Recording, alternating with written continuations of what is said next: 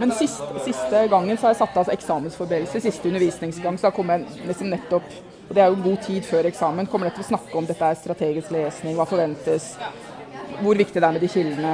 Ja. ja. Og jeg må spørre gruppelæreren òg. De vet sikkert ingenting, men det går an å spørre dem. Det er jeg som, det er jeg som bestemmer. Yes, da er vi eh, Da er vi i gang igjen. Da er vi tilbake. Er det noen som eh, Oh. Er det noen som har fått med seg sånne bilder? Er det noen som har vært i kirker i Europa eller kirker i Norge og fått med seg sånne bilder av fire eh, hva, liksom Denne konstruksjonen med fire litt sånn dyr sånn, sånn, er, Hva er det vi ser her? Er det noen som har fått med seg det? Ja? Er det ikke forfatteren av de fire evangeliene? Veldig bra. Og, de, og hvorfor i all verden er forfatteren av de fire evangeliene illustrert på denne måten? Trollmenn? Eh, Nei, kan vi få noen andre forslag? Det er vel noe symbolikk Ikke som sant? dukker opp i dukker opp i det. Ja, helt riktig. Det er, det er eh, symbolikk som dukker opp i Johannes' åpenbaring. Har da blitt eh, symboler for de fire evangelistene. Eh, og det er bare, bare sånn, Når man går rundt i sånne type kirker, eller sånne type, så er det så mye man, man ikke skjønner. Men er det fire ting av noe, så er det ofte de fire evangeliene. Er det tolv, er det ofte de tolv disiplene. Det er noen sånne tallting som går igjen. Og, og de, den, det motivet med okse, øh, ørn, mann, eh, løve, som er de fire symbolene som, som er omtalt i Johannes' åpenbaring, har da blitt navnet på de, eller liksom bildet, visualiseringen av de fire evangeliene. Men nå skal jo vi jobbe med Markusevangeliet. Jeg har tenkt i den timen nå at jeg skal, vi skal snakke mye om Markus, bitte litt om Galaterbrevet og bitte litt om åpenbaringsboken. Og så kommer vi tilbake til alt når vi jobber mer med Bibel og resepsjon. Ja, vær så god. Ja.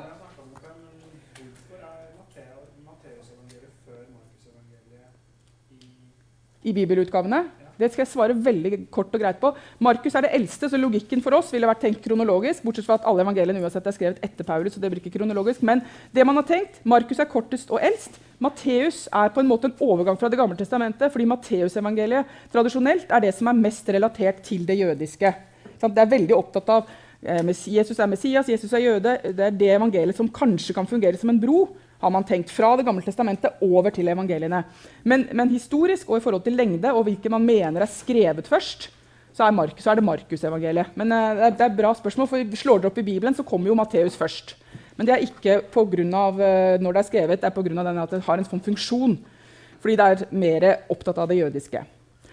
Det er veldig mange kontekster for hvordan vi skal angripe Markusevangeliet. Så jeg har på en måte bare måttet gjøre noen valg, og jeg er opptatt av da både det historiske, at vi vet noe om de konvensjonene, den historiske tiden tekstene kommer fra, men at vi også ser på det litterære. At vi, dere har faktisk lest nå 200 kildetekster. Det er, eh, det er et arbeid, og det er noe som er, vi mener oppriktig er viktig. Dere har lest Markusevangeliet. Det er på en måte en tekst som vil være helt vesentlig i forhold til å altså det, det er også en tekst som gir oss noe, noen kunnskap, og som gir oss noen kontekster. Så jeg har tenkt at Vi skal se litt på at Markusevangeliet er det eldste evangeliet. Vi skal rett og slett se på begynnelsen og slutten. Det er et sånn triks hvis man liksom har lyst til å si at man har lest en bok, en roman for eksempel, skal på bokklubba og ikke har gjort leksa si, så leser man innledning og så leser man avslutning, og så kan man fake resten. Så Begynn alltid med begynnelsen og slutt med avslutningen. Da får vi alltid masse hint. Masse liksom, ting som gjør at vi har en eller annen idé om hva som står i resten av teksten. Jeg mener ikke at dere skal gjøre det med evangeliet, men vi skal konkret se på begynnelsen og se på slutten, fordi begge de tingene er signifikante med Markusevangeliet. Så skal vi også se litt på særpreg ved evangeliet. Så skal vi se på det synoptiske problem. Eller som jeg å si, den synoptiske utfordring. For ting er jo ikke nødvendigvis et problem, ting er jo bare en liksom, utfordring. Men vi skal i hvert fall se på det som heter eh, det, det synoptiske. Og så skal vi se fort på evangeliene som antikke biografier. Og så skal vi snakke om den historiske Jesus. Ja, De forskjellige kontekstene gir dere et ganske bredt lerret spent ut over Markusevangeliet. Eh, Det er også det eldste evangeliene. Det er eh, skrevet, tror vi, første gang eh, 65-70. Um, må bare si det at I en senere forelesning så kommer vi til å snakke om manuskripter. Eh, Hvor er det tekstene kommer fra? Husk at de tekstene som vi har i Det nye testamentet, de er rekonstruksjoner. Og de er svært gamle. Det er ikke snakk om at den teksten vi har, eh, som ble skrevet i år 60, 65, at den foreligger, så vi bare har oversatt den fra originalen. Her snakker vi om et lappeteppe av fragmenter langt ut på 200-400-tallet. Og vi har ingen originaler, men vi har avskrift av kopier av kopier av kopier. av kopier av kopier. Så når vi snakker om originaler, så snakker vi egentlig om en, en fiktiv original. Vi har ingenting fra dette fra år 60, 65 eller 70. Vi har ingenting. Det eldste vi har, er opp mot 200-tallet. Så Det er en ganske spennende situasjon i forhold til hva vi egentlig snakker om. når vi snakker om disse tekstene. Men vi tror at den første Markusevangeliet-versjonen ble skrevet ned eh, så tidlig. Husk, Paulusbrevene var, tror vi da var skrevet ned enda før. Så Paulusbrevene behandles ofte først i bøkene, og så kommer evangeliene. Jeg har valgt å gjøre det helt motsatt, fordi at, fordi at eh, evangeliene tross alt er eh, som hellige tekster fortellinger om Jesus. Har en helt spesiell status innenfor kristendommen. Skrevet ned, eh, korte, Den er den korteste av, fi, av de fire evangeliene. Eh, anonym forfatter ble trolig skrevet utenfor Palestina. vi vet ikke hvor, Kanskje Syria. Eh, skrevet på gresk, skrevet for jøder og ikke-jøder. Ikke eh, Matteusevangeliet mener man er skrevet med nettopp en jødisk mottaker, fordi det forutsetter så mye kunnskap om det jødiske. Lukas mener man kan være skrevet for primært ikke-jøder eller for jøder og ikke-jøder. Men NBNB, hva en jøde var, og hvordan, var, eh, hvordan vi bruker de kategoriene, det er også litt flytende. Eh, hvis kriteriet for å være jøde var å være omskåret, så var det mange flere som følte seg som jøder. Det var mange som tilhørte jødedommen uten å være jøde. Så her har vi et ganske sånn komplek komplekst landskap. Men det var i hvert fall skrevet ikke bare med tanke på de som hadde bakgrunn innenfor jødedommen, men også for de som ikke hadde det. Hvordan begynner Markusevangeliet? Hvordan begynner den første fortellingen i eh, Det nye testamentet, i, i vår kildesamling? Her begynner evangeliet om Jesus Kristus, Guds sønn. Og så kommer det hos profeten Jesaja står det skrevet. Det er ikke, det er ikke, vi begynner ikke med noe annet sted enn at vi begynner i kildene. Vi begynner i de hellige kildene. Her står det skrevet hos Jesaja.: Se, jeg sender min budbærer foran deg. Han skal rydde veien for deg. En røst roper i ødemarken, rydd Herrens vei, gjør hans stier rette. Så du begynner rett på med, jo, med, med, med en profeti og så kommer det da om døperen Johannes. Han sto frem i ørken, ørkenen og forkynte en omvendelsesdåp som ga tilgivelse for syndere. Husker dere hvordan de andre evangeliene er noe som har fått med seg det, hvordan de andre evangeliene begynner? Hva, hva skjedde med juleevangeliet, f.eks.? Når, når ble Jesus født her? Er det noe som har noe komparativt Husker dere det? Hvordan de andre evangeliene begynner?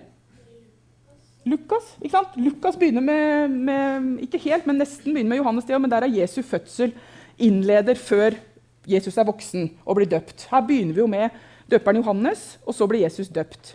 Både Matteus og Lukas har med fødselsfortelling på en eller annen variant. Det skjedde i dager, det er Lukas sin. og De tre vise menn og flukten til Egypt, det er Matteus. Mens Johannes-evangeliet det er den der i begynnelsen var ordet, ordet var hos Gud, og ordet var Gud. Uh, som er bare et helt et helt annen sjanger. Begynner, begynner, med utrolig flott, vakker poesi om skapelse, som spiller på Det gamle testamentet, på Genesis.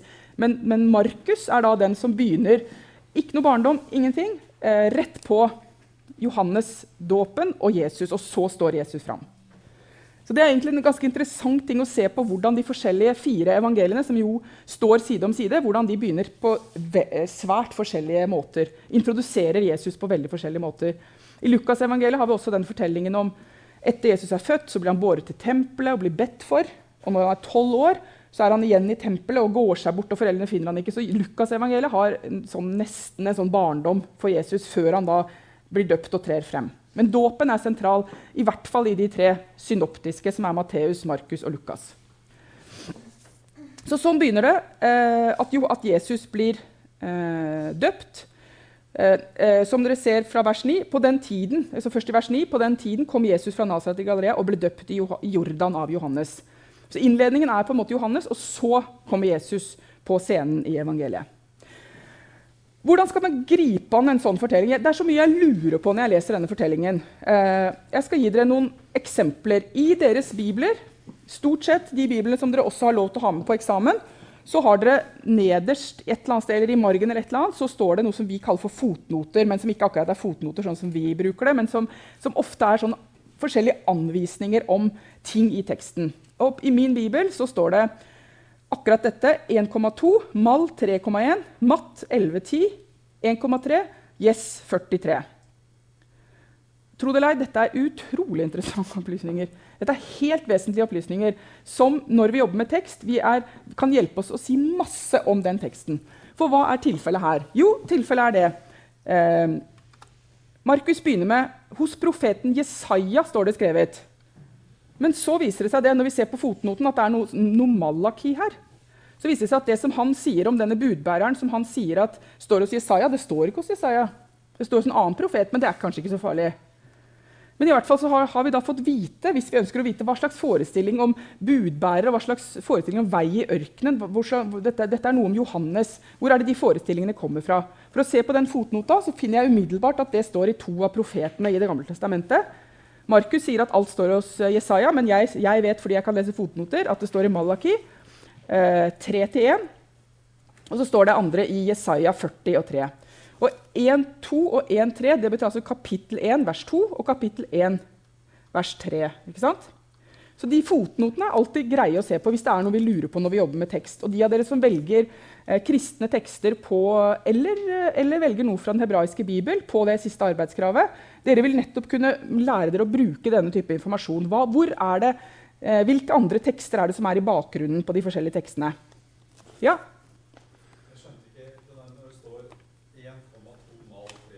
Ja. Det betyr som følger at i Markus 1-2 gjelder dette. I Markus 1-3 gjelder dette.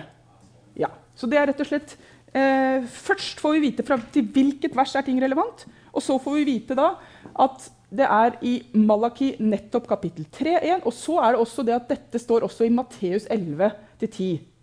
Og Noen ganger står det Lukas, noen ganger står det Johannes. Vi får vite hvilke andre steder i Bibelen dette står, eller dette er relevant for, eller hvor det er samme ordlyd. den type ting. Så det er på en måte gjort et ordsøk, et, et referansesøk for dere allerede, som dere får tilgang på bare ved å se der. Så da får vi vite det at Markus da han fletter sammen to profeter Husker dere Oddbjørn Leirvik snakka om eh, intertekstualitet? Dette er en ganske sånn kreativ intertekstualitet. Du tar en profet der og en profet der.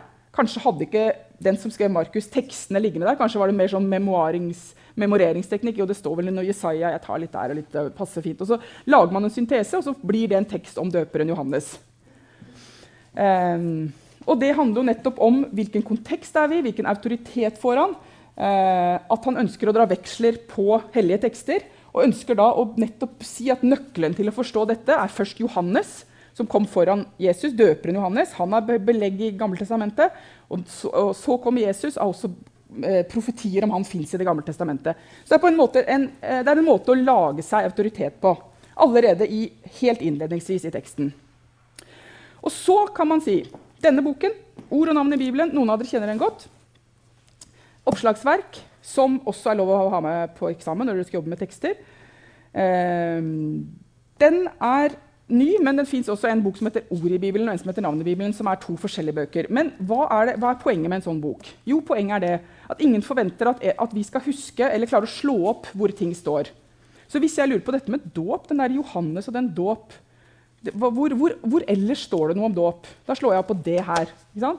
Så ser jeg at det står om dåp i Markus 10, 38, i Markus 10, 39, i Lukas 12, 50. Så får jeg vite rett og slett, som, et, som, et, uh, som en uh, dictionary hvor er det det står om det? Det kan være god hjelp hvis jeg lurer på hva var den der Johannesdåpen. Dåp skjønner jeg ikke egentlig helt hva er. Hva er det? Og også siste delen i den boka, navnet i Bibelen. Hvem er Johannes? Den Johannes hvem, er det Johannes' åpenbaring? Det, liksom, det er så mange Johannes, og det er det. Og da står det, ikke sant, Den første Johannes det er denne døperen, sønn av Zakaria og Elisabeth. Og så er det en Johannes til, som er en av Jesu tolv disipler. Sønn av Sebedeus. Og så er det enda en Johannes, som er far til apostelen Peter. Og så kommer det videre, videre, og så er det nummer seks det er Johannes, som er forfatter av Johannes' åpenbaring. Så dette er rett og slett et, oppslags, et oppslagsverk for dere som er eh, greit å ha når man nettopp jobber med tekster. Og da, hvis jeg, når jeg leser den teksten, så lurte jeg på det med dåp jeg lurte på det med Johannes. Jeg kunne ha lurt på mye annet òg, men det var det jeg lurte på. Ja, først her.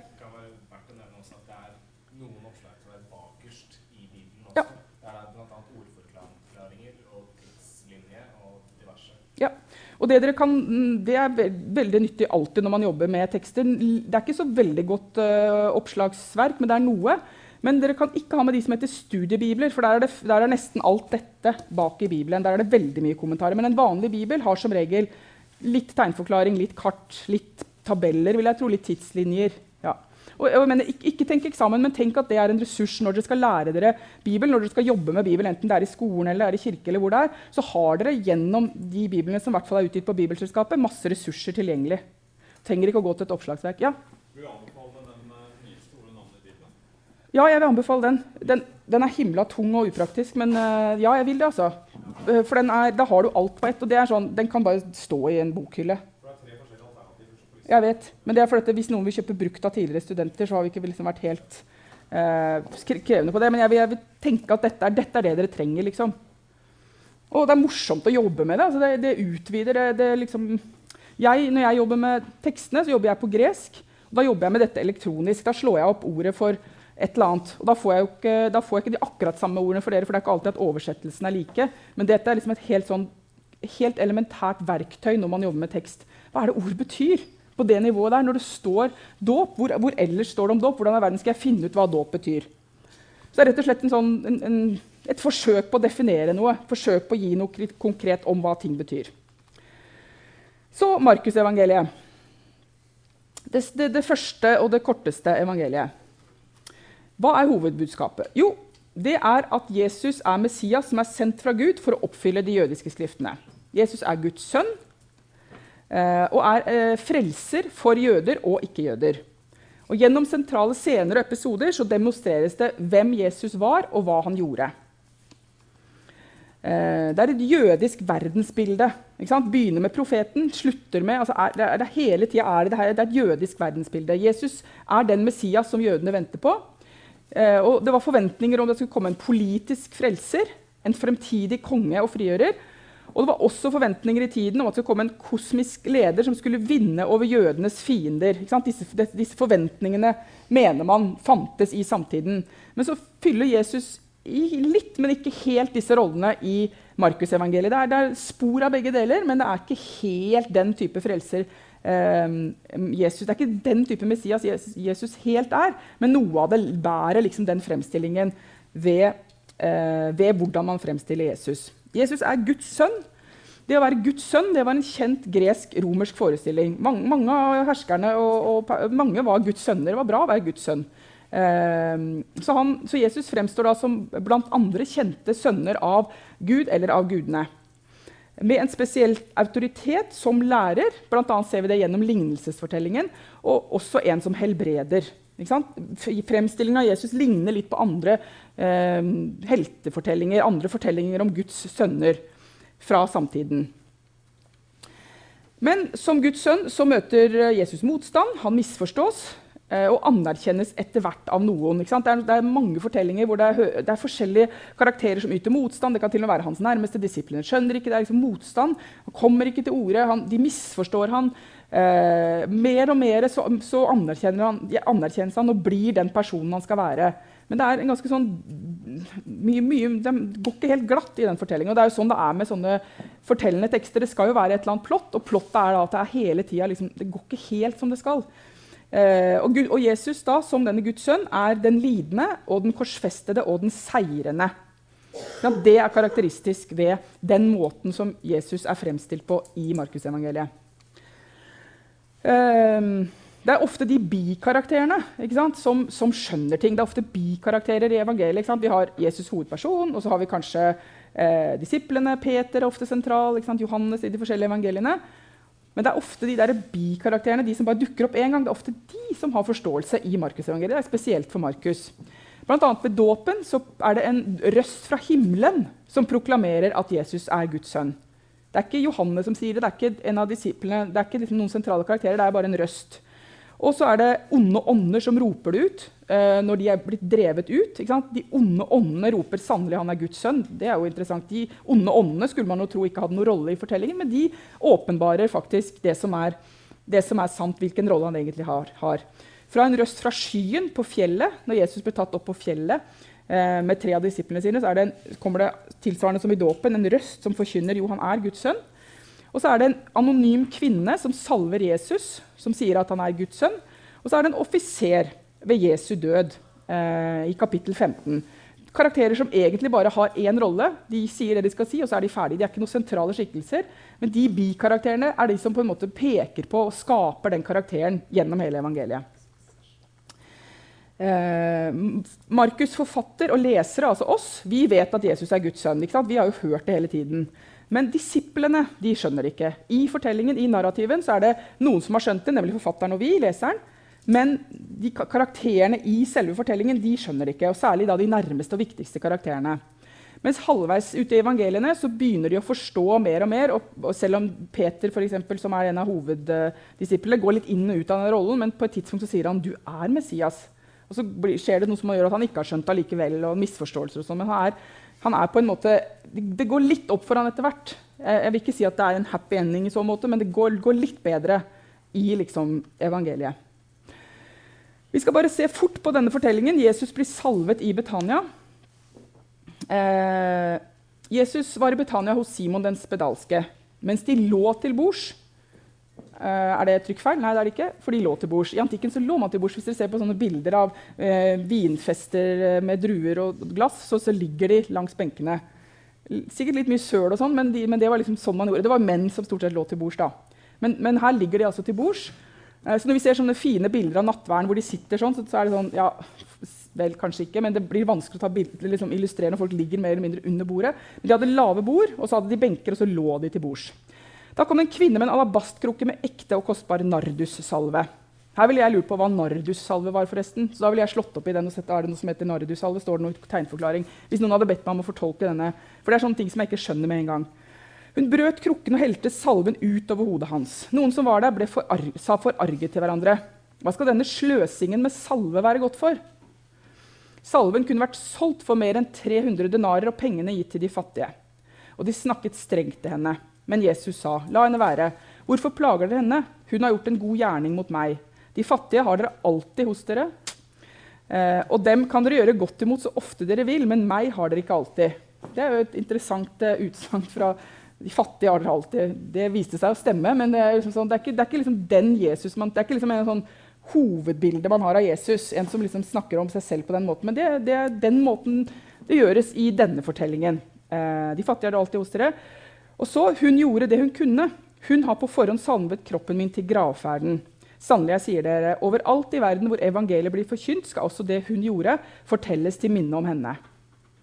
Har det, har det, skjedd? Har vi et godt minne av henne? Nei, det har vi egentlig ikke. Men i hvert fall så er det, hun forstår, men de forstår ikke.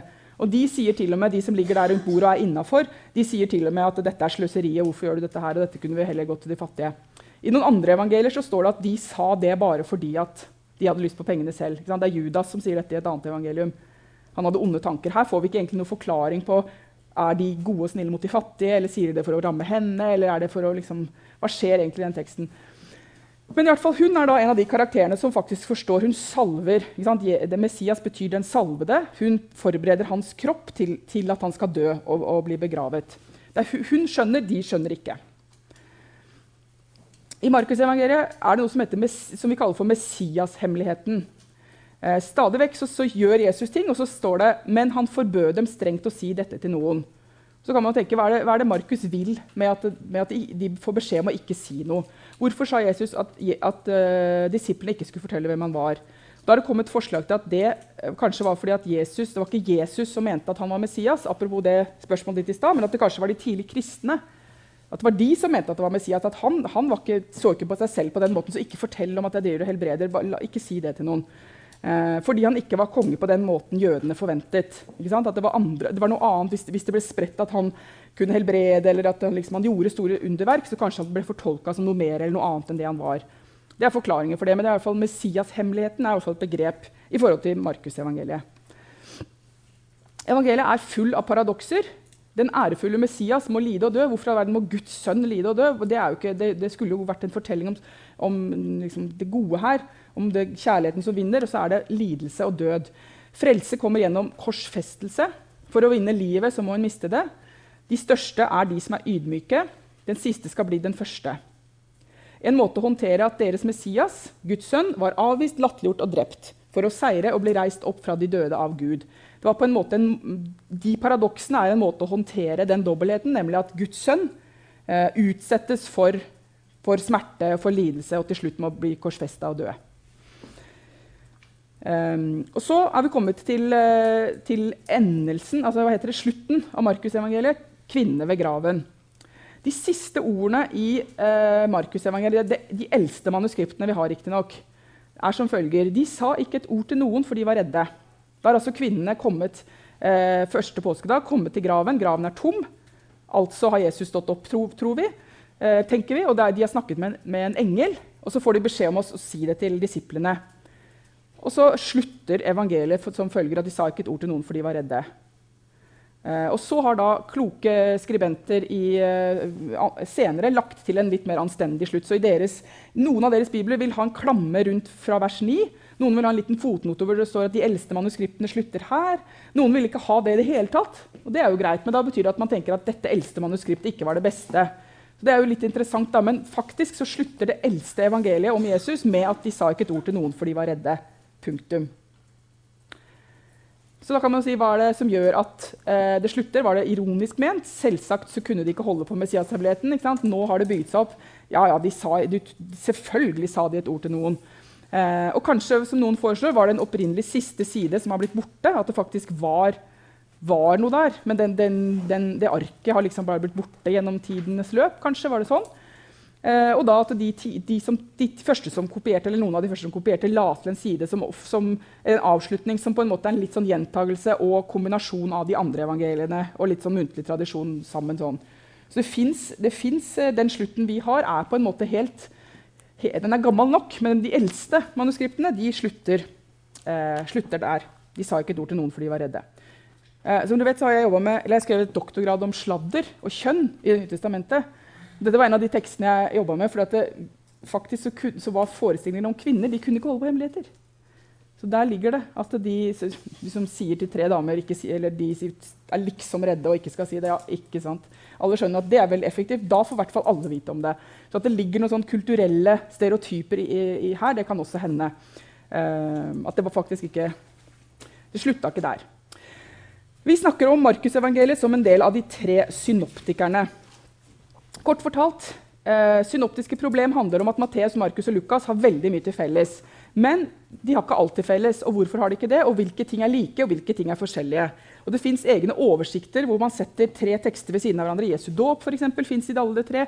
Forklarelsen på, på, på berget fins i alle tre.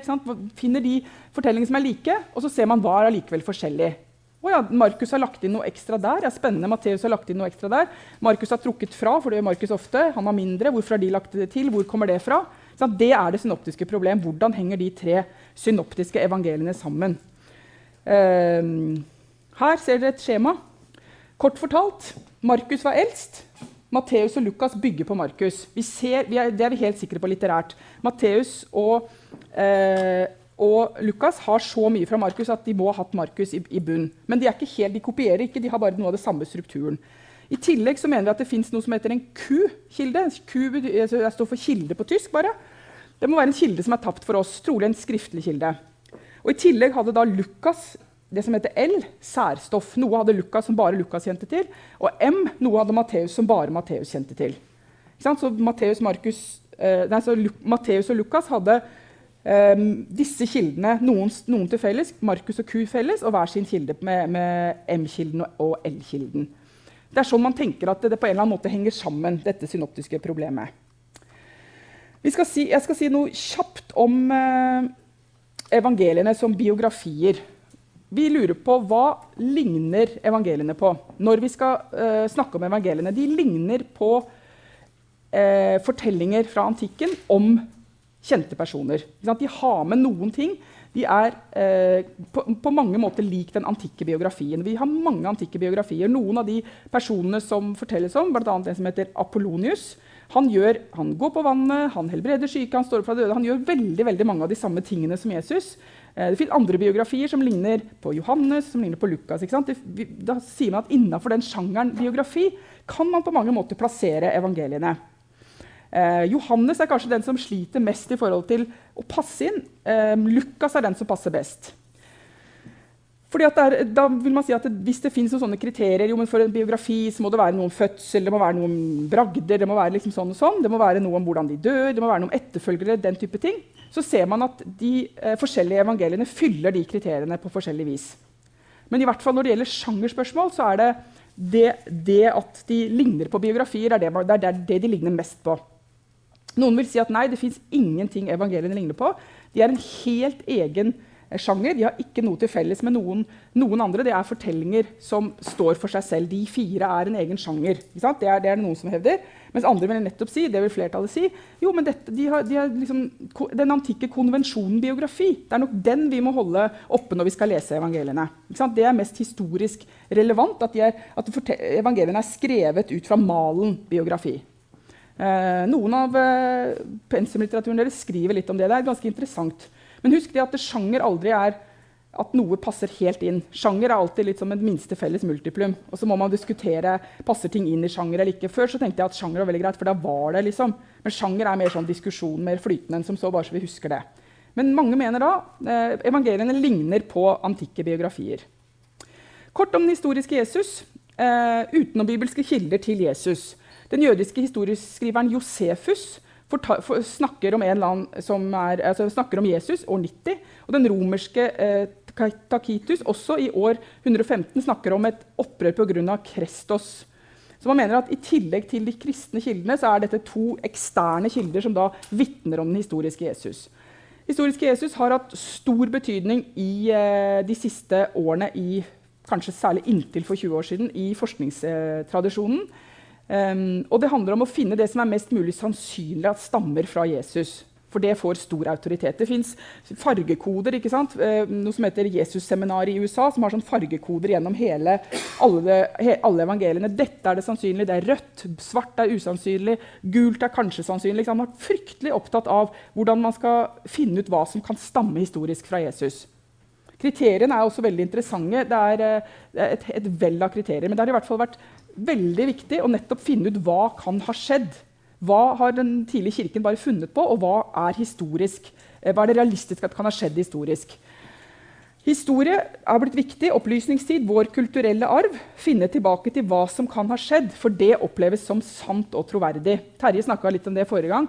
Det som er eh, historisk i vår, innenfor vår kultur, det er det som er det som, det, hvis det er historisk, hvis det har skjedd, så er det sant, og da er det troverdig. Og Det har også Jesusforskningen, eh, evangelieforskningen, vært opptatt av. Også da Markusevangeliet. Hva i Markusevangeliet om Jesus kan ha skjedd? Er det sannsynlig at han ble døpt i Jordan? På den ene siden ja, på den andre siden nei.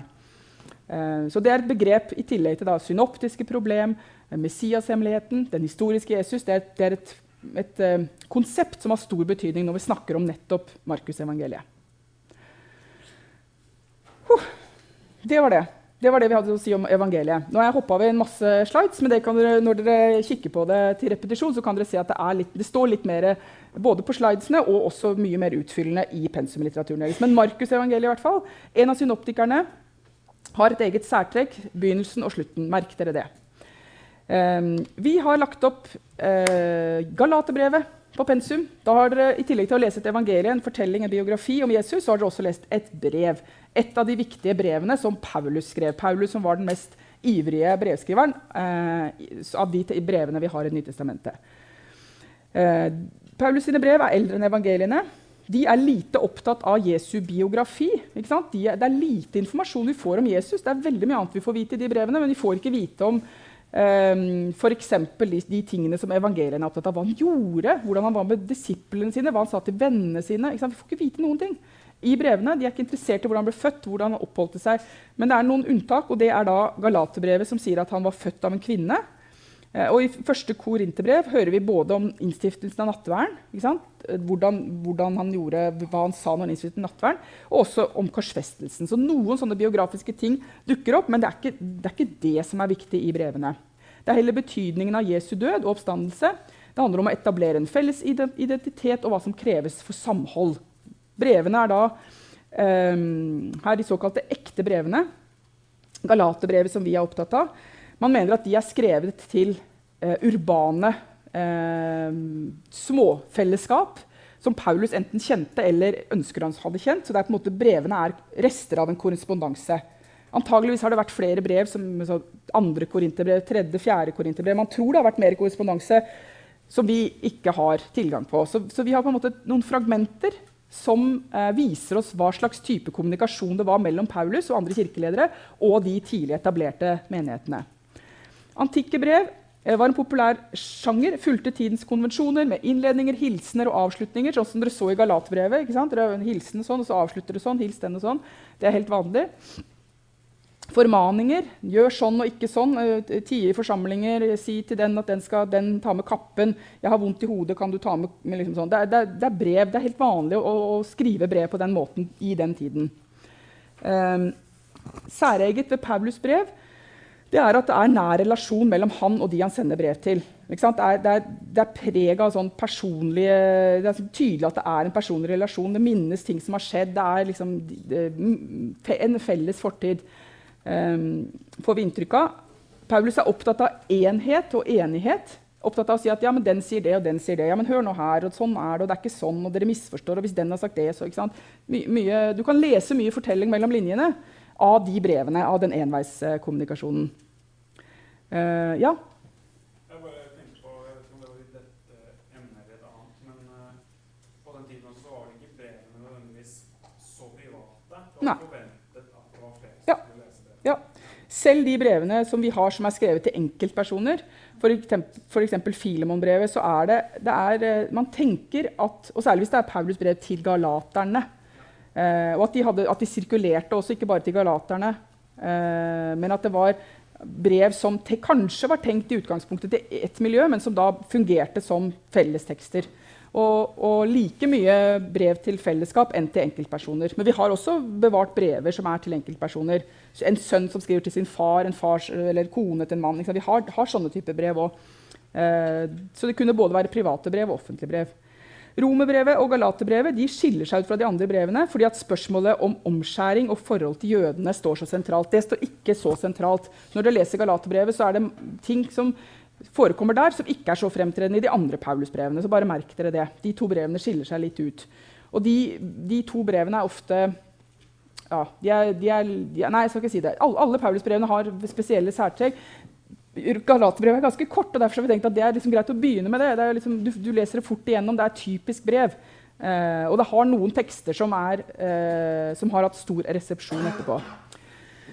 Paulus er opptatt av sin relasjon til adressaten. Han er opptatt av interne forhold i gruppen, struktur og ordning. Mye, er, eh, mye, av det Paulus skriver, er, er, på det nivået. Og som dere vet, så har lesere skapt mye teologi. Tenk f.eks. på når, når Paulus skriver til menigheten i Korint at kvinner skal tie i forsamlingen. Uh, skal ikke gjøre sånn, skal ikke gjøre sånn. Er det, er det, fordi han ønsker akkurat i den forsamlingen at det skal være sånn og sånn? Er det, er det stedeget? Er det bestemt? Er det til den konteksten? Og så skal de som leser fordi dette har blitt hellige tekster, etterpå gjøre teologi ut av dette. Ja, men da skal kvinner ikke tale i forsamlinger, ikke jobbe som prester, ikke ha lærerfunksjoner. Ikke For det står i, i bibelteksten. Og En av pensumteksten deres diskuterer nettopp det her med konseptet bibeltro. Hva betyr det å være bibeltro? Hva, hva, betyr det å være tro mot en korrespondanse mellom en apostel til en menighet hvor det var splittelse, hvor det var uenighet og hvor, hvor det var enighet? Det ligger på en måte ganske mye i forhold til hva slags sjanger de brevene er, hva slags tekster de er, i forhold til hvordan resepsjon de har fått.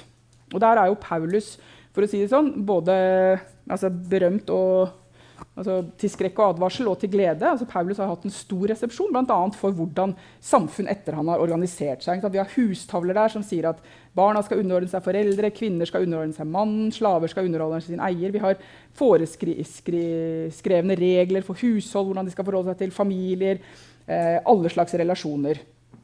Eh, så da er, det, da, er det, da er, det, et sånt fortolkningsspørsmål da, hvordan vi skal håndtere disse tekstene. For uansett hvilken tekst om, om tie, forsamling og underordning, og sånn, så kan man alltid dra opp Galaterne 3.28 fra lomma og si ja, men det står jo også Her er det ikke som den som hadde på Kahooten. Det står altså jøde, greker, slave, fri, mann, kvinne. Dere er alle én i Kristus Jesus. Så Man kan alltid dra opp det verset og si ja, hva skal vi gjøre med det? Hvordan skal man være bibeltro mot de forskjellige tekstene? Men dette er et ganske sånn komplekst fortolkningslandskap som eh, er en del av det å håndtere de hellige tekstene. At det er ikke én stemme, det er ikke én konklusjon, det er mange stemmer. Det er brev. Det er 'Dette mener jeg til dere'. Ja, dette mener jeg til dere. Det er på en måte den type kommunikasjon. Ja, men hva sa galaterne? Var de enige? Eller hva, hvordan tenkte galaterne? Vi vet ikke. Og så har disse tekstene fått autoritet og fått så stor innflytelse i vår del av verden, som dere jo vet. Um, jeg skal avslutte med tre ord om Johannes' åpenbaring. Eh, Halvor Moxnes han blir helt utslitt av å lese Johannes' åpenbaring. Det er han som har skrevet den ene pensumboka deres.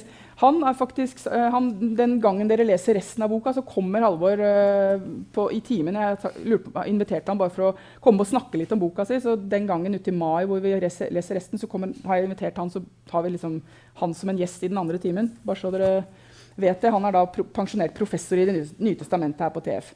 Men han synes da i hvert fall at det er, um, han blir helt utslitt, og han lurer på om Johannes forstår hva han selv har skrevet. Jeg synes det var litt sånn til trøst da. Hvis noen leser den teksten og tenker What er dette for en tekst? Og han Askim sier at uh, Johannes' åpenbaring er det merkeligste skriftet i NT. Uh, han som da har uh, den kommentaren i hellige skrifter som dere har på pensum. Så, så, men, men, jeg tenker jo liksom, ja, nå, Det er måter å skape avstand og si at dette forstår vi ikke, så, men samtidig så er det også en Johannes bare, fordi den er så annerledes og fordi den er så spesiell, en utrolig interessant tekst. Og som dere kommer til å møte seinere i undervisninga og i gruppene, så er det en tekst som har hatt ekstrem resepsjon. Ekstrem innflytelse. Eh, på godt og vondt, får man nesten si. Eh, rett og slett så handler Johannes' åpenbaring om den er skrevet etter evangeliene og Paulusbrevene. Vi er nå kanskje over i eh, 100 og noe. Det er litt kontroversielt, men si slutten av si 90-tallet, over i 100. Eh, de troende skal leve videre etter Jesu oppstandelse og himmelfart. Hva skjer nå? Jesus har dratt. Messias kommer ikke tilbake så fort som de trodde. Hos Paulus er det endetiden er nær. Det er ikke noe vits i å gifte seg, for Jesus kommer jo snart tilbake. Det tenkte han på 50-tallet. Og så har liksom ikke Jesus kommet tilbake. Det har gått et par generasjoner. Det har, det har liksom ikke skjedd noe. Hvordan lever de da? Det er Johannes' åpenbaring. Et forsøk på å håndtere. Eh, og Halvor Moxnes da ser dette i sammenheng med apostelens gjerninger, som prøver å finne en måte å leve i Romerriket på mer tilpasset og mindre dualistisk enn åpenbaringsboken. Eh, Apostelens gjerninger er en fortelling om hvordan de reiste rundt og misjonerte i Romerriket. for å si det enkelt. Apokalypsen er mye, et mye mer dramatisk og, og um, hva skal jeg si, eh, ja, mye mer dramatisk svar på den utfordringen. Hva gjør vi nå? I åpenbaringsboken er verden fiendtlig, og de troende lever i trengselstider. Eh, sterk kritisk til keisermakten i Rom Horen Babylon altså Det er et veldig koda språk i Johannes' åpenbaring. Et ekstremt koda språk. Du, det, apropos navn og ord i Bibelen, du trenger nesten mer enn det for å skjønne noe av argumentasjonen, for å skjønne noe av bildene og metaforene. Men likevel, i åpenbaringsboken kan det virke som Gud blir tegnet i den romerske keisers bilde. For Gud er også voldsom. Gud, øh, det er også brann, og det er øh, forbannelse, og det er på en måte innafor og utafor oss og dem. Og det er veldig mye drama gudsbilde som også gis i Johans åpenbaring. Så ja, det er ment som en sånn motstand, politisk motstand, men det er også en, eh, en sånn forsøk på å skrive inn Gud i denne her dynamikken. Ganske, på en ganske sånn finurlig måte, sånn rent litterært. Og det er et rikt og voldsomt symbolspråk. Ikke sant? Eh, det er Uh, men det, også, det, er også vakkert og poetisk. Jeg må bare si det. For det er, det er ikke der, At det er merkelig og at det er rart og at vi ikke skjønner noe, det er greit, men vi, vi har faktisk brukt tid på å lese det. Da er det noe mer å hente der. Det er, det er en del av de kristnes hellige tekst. Resepsjon av åpen, Johans åpenbaring, to be continued. Eh, vi skal fortsette med det her. Bibelen i populærkulturen har en tekst om eh, Johans åpenbaring. Vi skal se på det når vi ser på kultur og vi ser på kunst. Det er EU i sin tid, dyrets merke, 666, eh, strekkoder You name it. Er utrolig mye eh, å hente i Johans åpenbaring. Men så vil jeg slutte med dette, som er da også Johans åpenbaring. Og jeg så en ny himmel og en ny jord. Dette er en av de tekstene som leses i flest begravelser i Norge. Når folk er døde og står ved en åpen kiste, eh, ikke en åpen kiste, en åpen grav, men en kiste, så, ja, så, så, leser man og jeg så en ny himmel og en ny jord, for den første himmel og den første jord var borte, og havet fantes ikke mer. Og jeg så den hellige by, det nye Jerusalem, stige ned fra himmelen fra Gud, gjort i stand og pyntet som en brud for sin brudgom. Han skal tørke bort hver tåre fra deres øyne, og døden skal ikke være mer, heller ikke sorg eller skrik og smerte. For det som en gang var, er borte. Så innimellom alt, dra alt drama så er det håp, det er, det er en, en, drøm om noe som er nytt. Det skal skapes nytt. Bibelen begynner jo i hagen, og så slutter i byen, det nye Jerusalem, som skal stige ned fra himmelen som en brud. Så det er Johannes' åpenbaring på fem minutter. Det er jo helt uforsvarlig, men uh, sånn er det når man har så mange hellige tekster man skal komme igjennom. Og vi har flere runder hvor vi skal se på Bibel og resepsjon, hvor vi nettopp kommer til å prøve å fokusere på Markus, Galaterbrevet og Johannes' åpenbaring. Men uh, bra jobba. Takk for nå. Neste time blir om islamske tekster om en uke.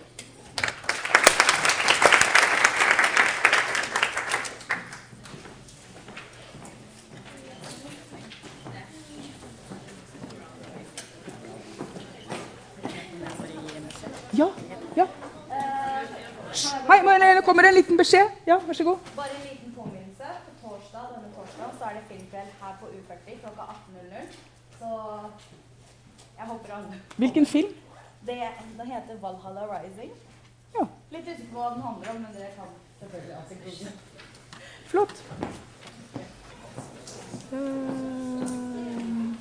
would you like to stop recording? Yes.